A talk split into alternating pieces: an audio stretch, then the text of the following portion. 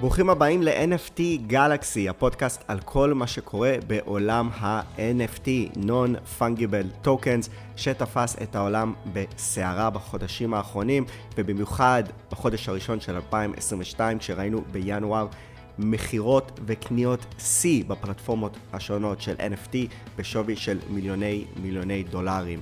אז בפודקאסט הזה בהמשך אנחנו נסקר את כל הדברים החדשים והמעניינים שקורים בעולם ה-NFT וגם באיזה פרויקטים ממש כדאי ושווה להסתכל ואולי גם להשקיע.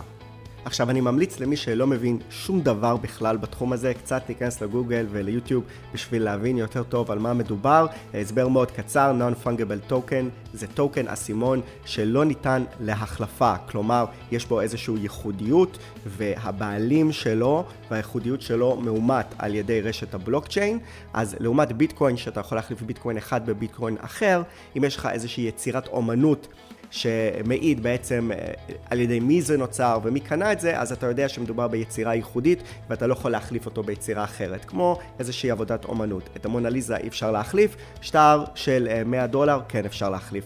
זה העניין בקצרה, ובאמת האומנות זה איפה שה-NFT ממש תופס המון תאוצה. ובמיוחד קולקציות של אומנות. למה קולקציות? בגלל שאם אתה קונה פריט שהוא חלק מקולקציה, יותר קל לך לאמת כמה הדבר הזה שווה, וגם למי שמוכר, בכמה למכור. בגלל זה אנחנו רואים עכשיו קולקציות של 2,000, 5,000 או 10,000 פריטים, כשלקולקציה עצמה יש איזשהו שווי, ובתוך הקולקציה יש פריטים שונים שלכל פריט יש שווי שונה בהתאם לכמה הוא נדיר. אז אני אתן בתור דוגמה את הקולקציה הכי מפורסמת בעולם ה-NFT, שזה ה-Board Ape Yacht Club, שכרגע המחיר רצפה, כלומר המחיר הכי נמוך בשביל לקנות לתוך הקולקציה, זה 100 אתריום. אתריום אחד מעל 3,000 דולר, תחשבו בעצמכם כמה כסף העניין הזה, ו... אנחנו רואים שבקולקציה הזאת יש את הקוף הבסיסי, שזו הדמות הבסיסית, אבל עם שינויים. לפעמים יש לו כובע של רב חובל, לפעמים יש לו סכין בפה, לפעמים יש לו חולצה כזאת, או לייזרים יוצאים מהעיניים, או מחייך או לא מחייך, וכל הדברים האלה, וחלק מהמאפיינים האלה והאקססוריז האלה הם יותר נדירים, וחלק פחות, ואם יש לך קוף שהוא ממש נדיר, אז אתה יכול למכור אותו בפי 2, 5, 10, פי 20 מהמחיר רצפה, ולהזכיר לכם, המחיר רצפה זה בסביבות 300 אלף דולר, אז uh, שתבינו בכמה כסף הדברים האלה נסחרים, פשוט פשוט מטורף. אז קולקציות זה כרגע הדבר מבחינת משקיעים, וזה גם נותן הזדמנות להיכנס לקהילה, יש קבוצה, איפה שאנשים מדברים, ואיפה שאפשר להכיר אנשים ולהיכנס לפרויקטים עתידיים, אבל אה, גם הרבה פעמים הפרויקטים האלה, על מנת להצליח, מציעים גם איזושהי תועלת מעבר לזה שאתה הבעלים של אותו יצירת אומנות.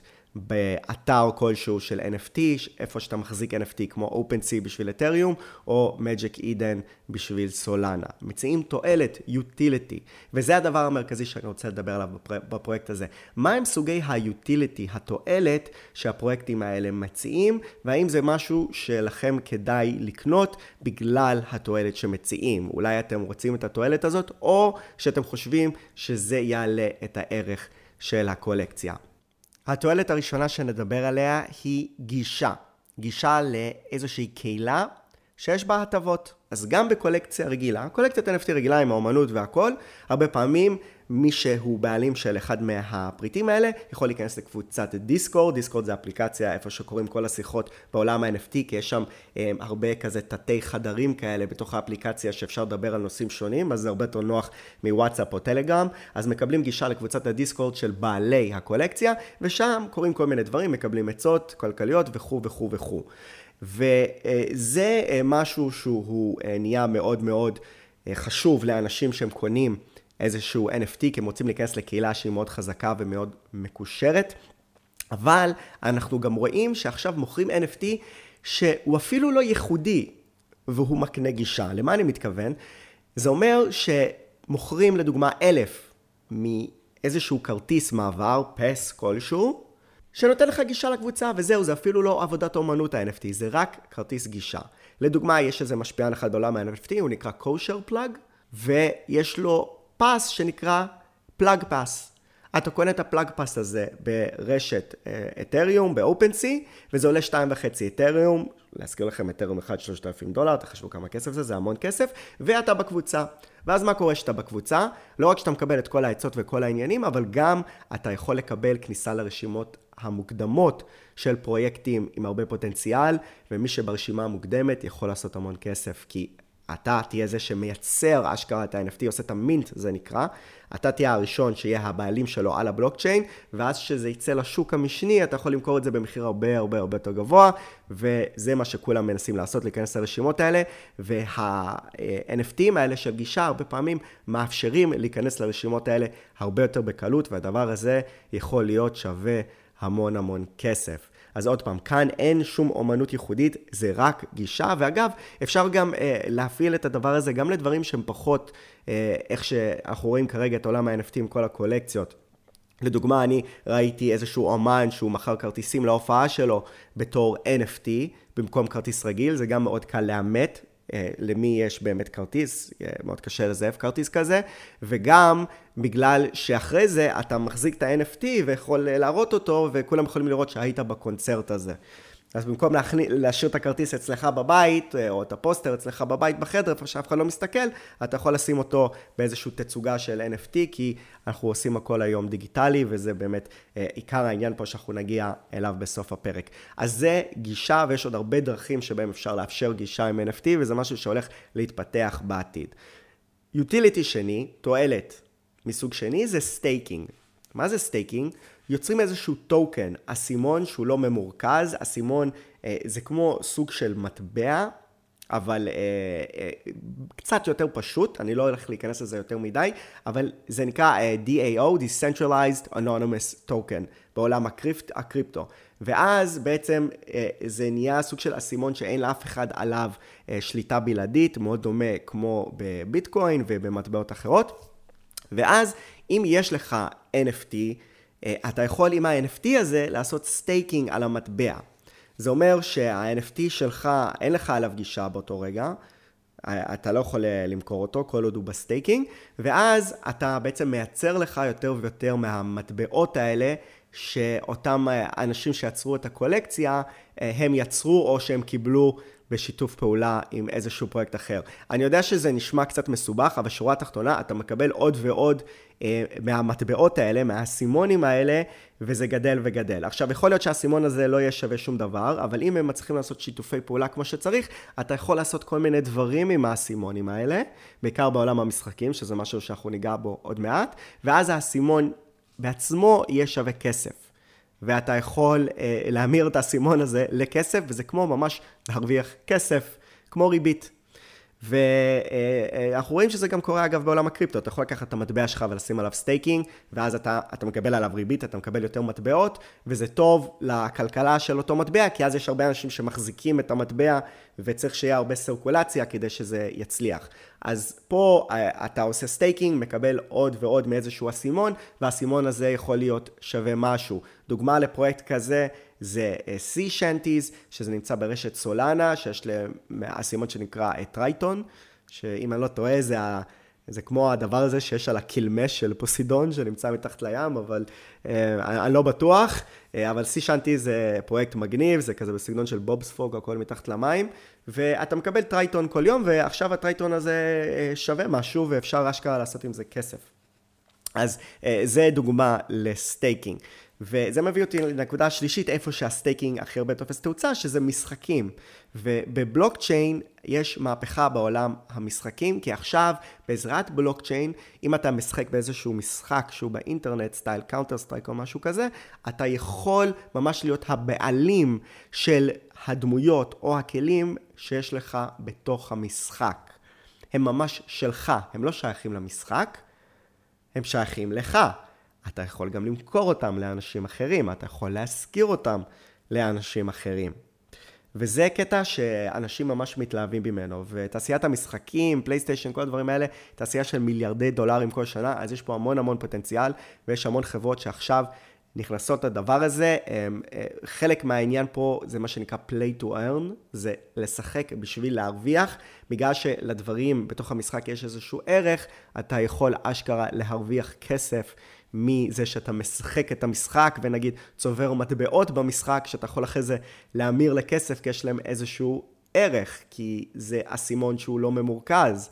לא כמו משחקים שאנחנו מכירים בדרך כלל, שהיינו ילדים נגיד, שיחקנו, אז אתה משחק משחק, אתה מקבל איזשהו אה, כסף במשחק, כמו באיזה, לא יודע מה, Age of Empires או משהו כזה, אבל הכסף הזה זה כסף במשחק, הוא לא שווה כלום. פה, ברגע שזה אה, בקריפטו ובבלוקצ'יין, יהיה איזשהו ערך שמוצמד למטבע הזה במשחק, ואז אתה יכול אה, אשכרה להמיר את זה לכסף אמיתי. וראינו אה, דבר, אה, כבר דוגמאות של הדברים האלה, היה את האקסי אינפיניטי, שזה היה המשחק הראשון שהצליח לעשות את העניין הזה. אנחנו רואים עכשיו משחקים שמנסים לשכלל את זה ממש לאיזשהו כלכלת משחק אמיתי. כמו מירנדוס. מירנדוס זה פרויקט שהולך לצאת יותר מאוחר השנה, שיש כמות מוגבלת של נדל"ן ושל מקום במשחק, אז הם מוודאים שכמו כל נדל"ן בעולם האמיתי, הנדל"ן מצומצם ולכן אה, יהיה לו ערך מאוד גבוה, וראינו אנשים קונים את הנדל"ן הזה במחירים ממש ממש מטורפים, ונדל"ן וירטואלי זה ממש עניין, ואז יהיו דמויות במשחק שיכולים אה, ללכת ולהילחם ולאסוף חומרים וליצור אה, חרבות או נשקים, ואז להילחם איתם או למכור איתם, כל מיני דברים כאלה, ממש עולם שלם.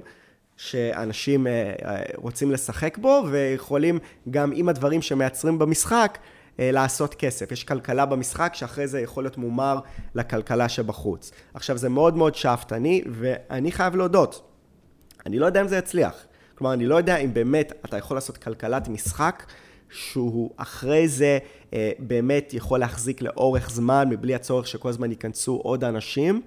אמ, ושבאמת אה, זה באמת אפשרי לטווח ארוך.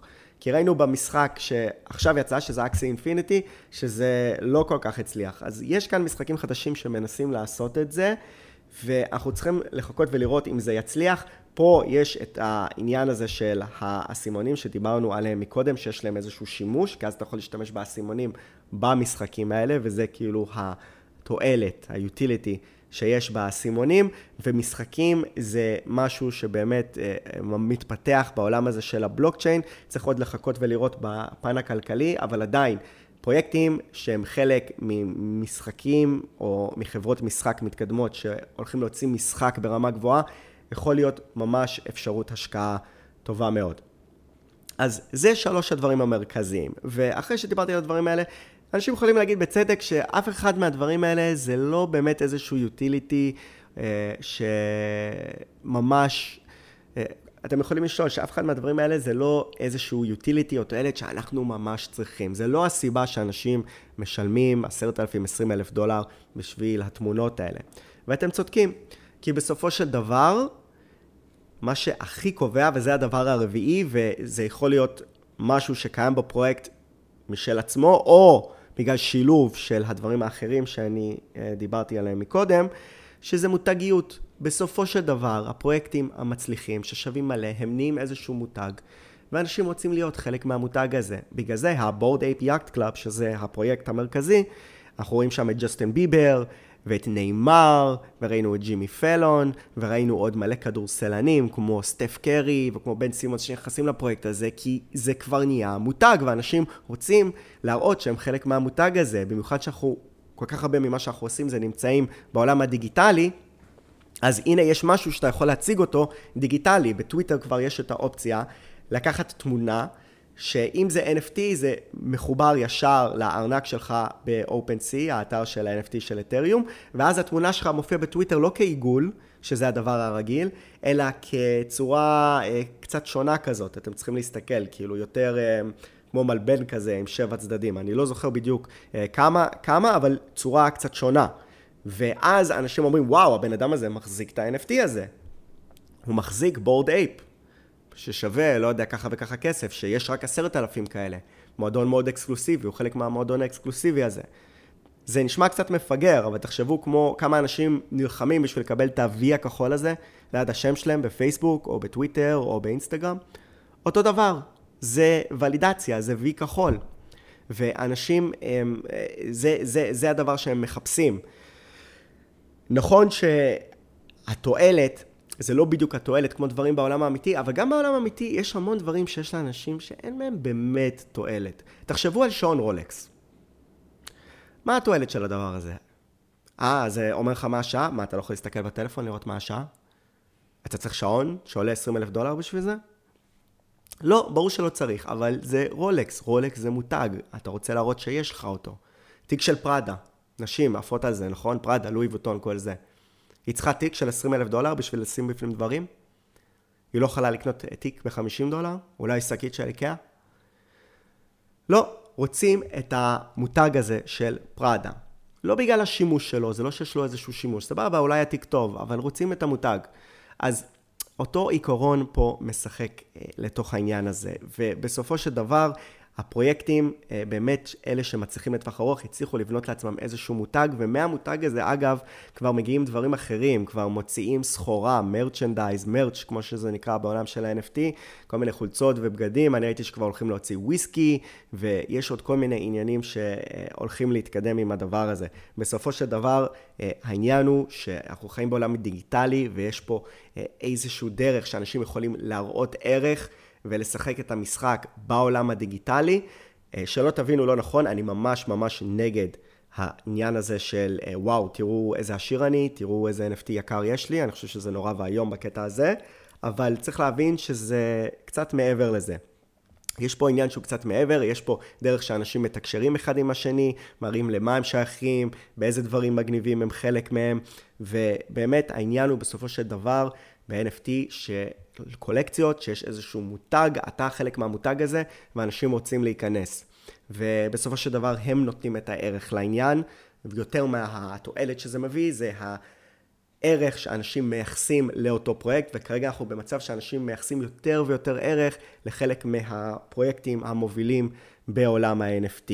אז אה, זה מה שאני חושב לגבי העניין הזה, אלה סוגי התועלת שיש, כשהרביעי זה בסופו של דבר פשוט שזה מותג, וכל מה שמגיע עם מותג, ואפשר להגיע לנקודה 4 לבד, פשוט כי הפרויקט ממש מגניב, או כי יש לך גם חלק מהדברים בסיבות האחרות, גישה, staking של מטבעות ומשחקים.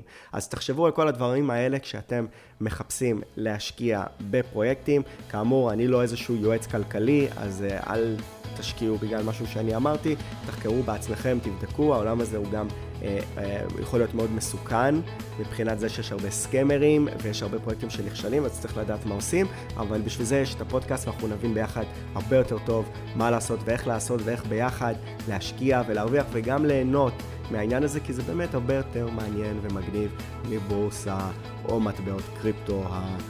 האחיין, בוא נגיד, של ה-NFT, או הדוד של ה-NFT, שזה ביטקוין וכל זה, והדברים האלה גם קשורים אחד בשני, וגם על זה אנחנו כנראה נדבר בהמשך. אז זהו להפעם, תודה רבה, ונתראה בפעם הבאה.